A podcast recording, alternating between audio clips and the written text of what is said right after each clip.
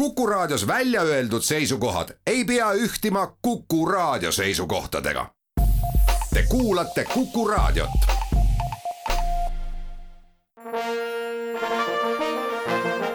Vanemuise veerand tere kõigile teile, head Kuku raadio kuulajad, mul on hea meel tervitada stuudios Vanemuise balletijuhti. tere, Mare Tomingas! tere! mina olen saatejuht Tiir Ööp. seda hooaega on juba veidi kulunud, õnneks on teda ka veel ees. kuidas sa hindad balletihooaega? oktoobris esietendus Luikede järv, oktoobris jõudis ka lavale publiku ette balletiõhtu Metamorfoosid, uue aasta hakatuses sai publiku valmis Naksitrallid kaks, rotid ründavad. täna me saame rääkida ka esietendusest.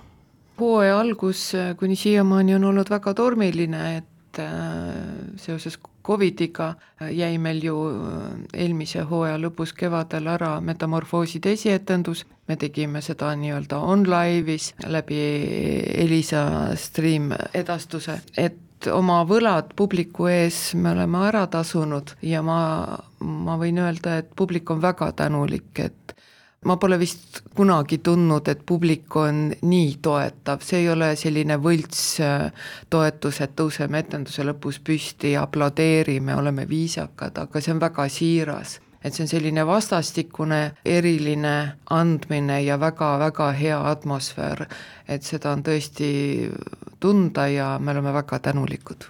Sügisel liitus Vanemuise balletitrupiga seitse uut balletiartisti kas nad on praeguseks Vanemuise teatriga kohanenud, kas nad on Tartu linnaga kohanenud?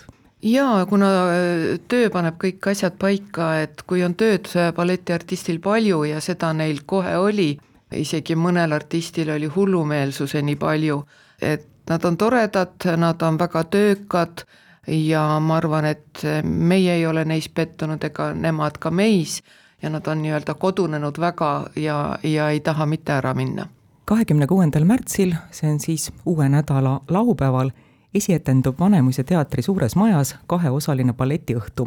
heliloojate Igor Stravinski ja Nikolai Rimski-Korsakovi teosed Brasiilia lavastaja koreograafi Ricardo Amarante tõlgenduses. palun tutvusta Ricardo Amarantet, kuidas jõuti temaga koostööni? see on hea küsimus see Covidi aeg ja, ja, ja terve see elutempo on nagu viimastel aastatel läinud kuidagi hektiliseks ja kuidagi väga kiireks ja eile küsiti minu käest, et kuidas ma ta leidsin ja ausalt öeldes ma hetkel ei suudagi meenutada, sest tegelikult Ricardo pidi tulema meil just vahetult enne Covidi situatsiooni, kui see maailmas hakkas, et ta kõigepealt pidi tulema meile nagu workshopi andma ja siis ja kõik ära ja siis äh, ma otsustasin, et hästi, et ma ei tunne seda meest ja ma usaldan siis neid videosi, mis ma olen näinud ja, ja neid sõpru, kes teda tunnevad ja nii ta meile tuligi. aga ma tõesti hetkel ei suuda meenutada, kuidas ma selleni jõudsin, et meie tantsumaailm on tegelikult väike ja, ja kõik peaaegu tunnevad kõiki, nii et äh, ju siis keegi mu headest sõpradest soovitas ja nii ta meile sattus see, et Ricardo Amarante lavastab Vanemuise teatris, see annab publikule võimaluse kogeda midagi uut, uut balletikeelt, uut nägemust.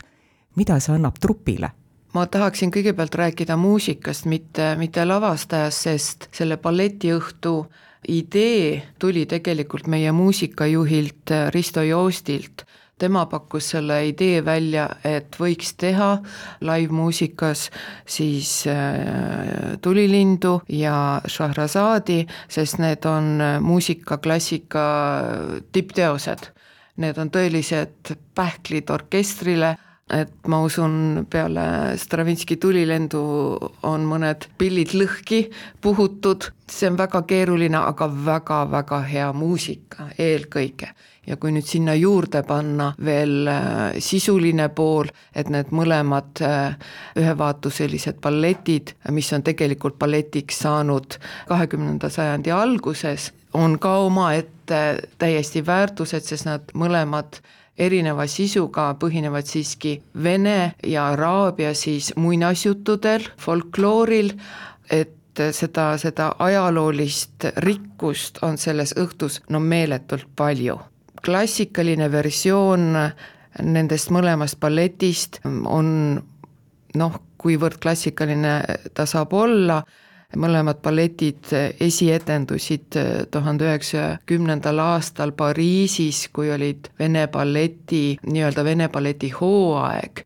Ja siis nad said väga kuulsaks, et kuidas nad nüüd tänapäeva on talletatud, ilmselt äh, suurtes balletiteatris nagu Marinski ja Mihhailovski teater, neid ikkagi üritatakse teha nii originaalile lähedaselt, kui seda on võimalik, kaasa arvatud on ka taastatud ju Leon Paksti suurepärased dekoratsioonid ja kostüümid, mis on tõesti Tänini täiesti meistriteosed, iga kostüüm on fantastiline kujundus on täiesti erakordne, aga nüüd äh, aeg on edasi muidugi läinud, et kas siis me üritame taastada seda vana kullafondi või siiski me võtame sisu, mis on unikaalne ja kõnetab publikut tänasel päeval ja siis liidame lavastaja, kes mõtleb ka tänases päevas, siis ma arvan, et äh, meie tee on see viimane, et äh, kummardus klassikalisele pärandile, austame kultuurilist pärandit ja liidame sinna juurde tänapäevase mõtlemise,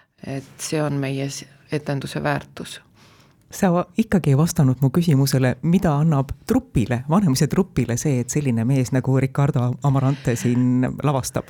jah, et tegelikult ma meelega ei vastanud otse, sest äh, üks on teisega seotud, et Ricardo siis toob selle kaasaegse tantsukeele tõlgenduse siis äh, valitud teemale, et äh, ikkagi ma tulen jälle, põiklen tagasi sinu küsimusest, sest, sest tantsija ei ole lihtsalt keha ja, ja millega väljendatakse mingit teksti, see ei ole ainult tantsutehnika, tantsija peab väljendama seda rikast muusikat ja seda sisu, mis selles on.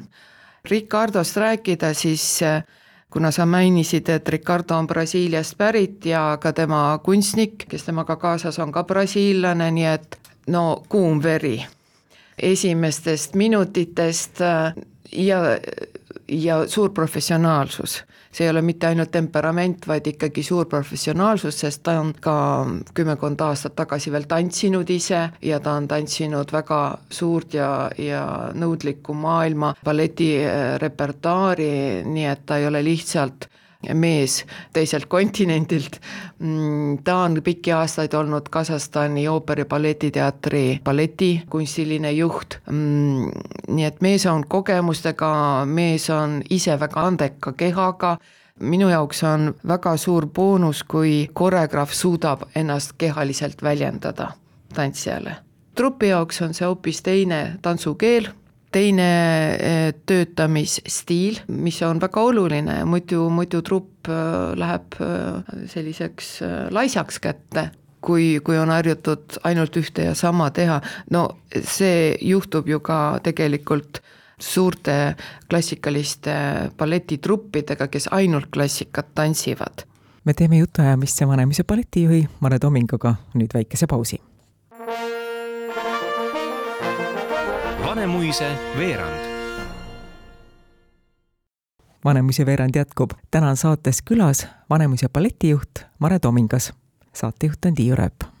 kui palju varem on Eestis Šahrasaadi balletina lavastatud?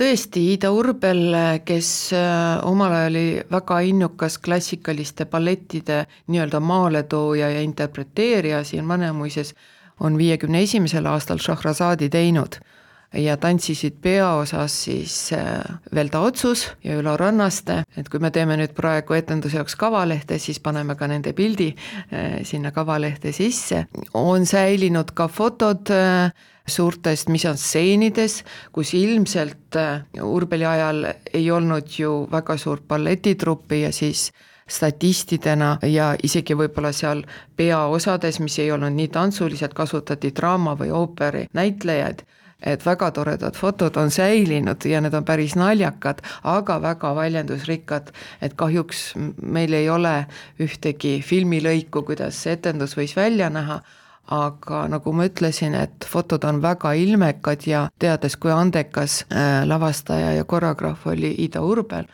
siis äh, see oli kindlasti väga, väga huvitav lavastus ja, ja teadaolevalt läks ta väga hästi ka publikule. nii et Vanemuises on seda varem tehtud mõeldes Rimski-Korsakovi suurepärasele muusikale. kas sa oskad oletada, miks seda on nii vähe lavastatud? viiekümnendatel Vanemuises, nüüd jälle Vanemuises, aga Estonias mitte kordagi eh see on kahe otsaga asi, et kõigepealt ole, peab olema võimekas orkester. et me ei taha sellist muusikat teha ju lindi järgi. ja meie publik eh, armastab käia vaatamas ikkagi tervet õhtut täitvat žüžeega etendust. et sellised äh, lühipalletid väga hästi ei lähe peale, millegipärast, ma ei tea, miks, ju siis on erinevad põhjused olnud, aga, aga ma arvan, et eelkõige on see muusikaline materjal ikkagi väga suur julguseproov ja väljakutse muusikaosakonnale. et et ähm, Stravinski muusika on erakordselt keeruline, Rimski-Korsakov mitte vähem keeruline. Ja huvitav on see, et, et nad kasutavad, tähendab, mõlemad heliloojad on kasutanud ähm, vene folkloorist äh, pärinevaid teemasid, muusikalisi teemasid, mis on aimatavad, noh, kes on rohkem kursis vene kultuuriajaloo ja muusikaajalooga, siis, siis tunnevad ära need kohad et mõeldes tolle ajaga kunstnikele ja maalikunstnikele, et, et mina näen selles muusikas kohe kellegi maale neid äh, looklevaid jõgesi ja metsi pikkades kleitides, vene taluneiud horovoodi tantsides, et see muusika on erakordne. et seal on nii palju värve, et äh, ja sellest võiks nagu tunde ja tunde rääkida, sest tegelikult kuidas sellest muusikast üldse näiteks Rimski-Korsakovi muusika ei olnud algselt kirjutatud balletiks üldse, et äh, tema sümfooniline teos valmis juba tuhande kaheksasaja kaheksakümne kaheksandal aastal. Ja siis äh, aastakümneid hiljem, kui Vene kunstiimpressario Djagilev äh, tahtis Vene balleti viia Pariisi, siis tal oli vaja repertuaari ja siis äh, ta mingil hetkel leidis, et aga miks mitte, Rimski-Korsakov ja Araabia muinasjutule, legendile põhinev sisu, tol ajal, Belle äh, epohhi ajal Euroopas oli väga populaarne idamaade kunstid, selline esoteerika, kõik müstika, nii et kõik on selles Šahrazadis just olemas.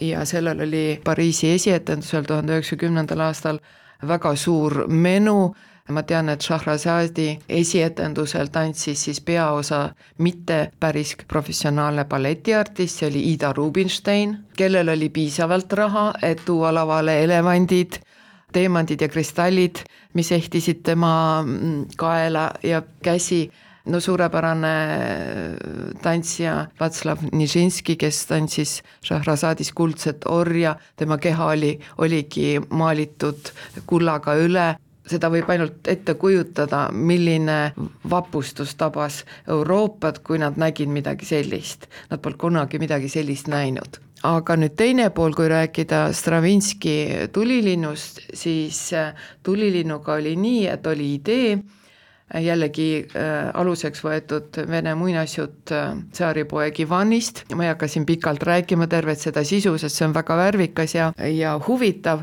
aga Stravinskilt telliti siis muusika selle konkreetse balleti jaoks, nii et need on tegelikult lähtepositsioon nende kahe balleti tekkeks on täiesti erinev, aga nad juba siis said ühes õhtus kokku ja nii nad jäidki kokku käima, kaks täiesti erinevat teost, aga kuidagi täiendavad üksteist ja ma arvan, et publikul on väga huvitav seda ka vaadata, sest meie õhtus, mida Ricardo lavastab, on ka Šahrazad on justkui soojendus siis Stravinskile, et tol ajal juba, kui see esimene esietendus oli, siis Stravinski muusika oli erakordselt uus, kaasaegne, modernne, nii et meie lavastaja idee on ka, pigem läheme natukene klassikalisemalt alguses ja siis jõuame tulevikku välja. Et algne idee, mis sai alguse eelmisel sajandi alguses, on ikkagi tänapäeval sama, ainult natukene teises kastmes suur tänu, Vanemuise balletijuht Mare Tomingas saatesse külla tulemast, aitäh! said sa nüüd lõpuks kõike, mis sa tahtsid rohkemgi veel no.? aitäh kõigile kuulajatele, balletiõhtu Tulilind Šahrasaad esietendub Vanemuise teatri suures majas kahekümne kuuendal märtsil. järgmine Vanemuise veerand on eetris nädala pärast. jälle kuulmiseni! Vanemuise veerand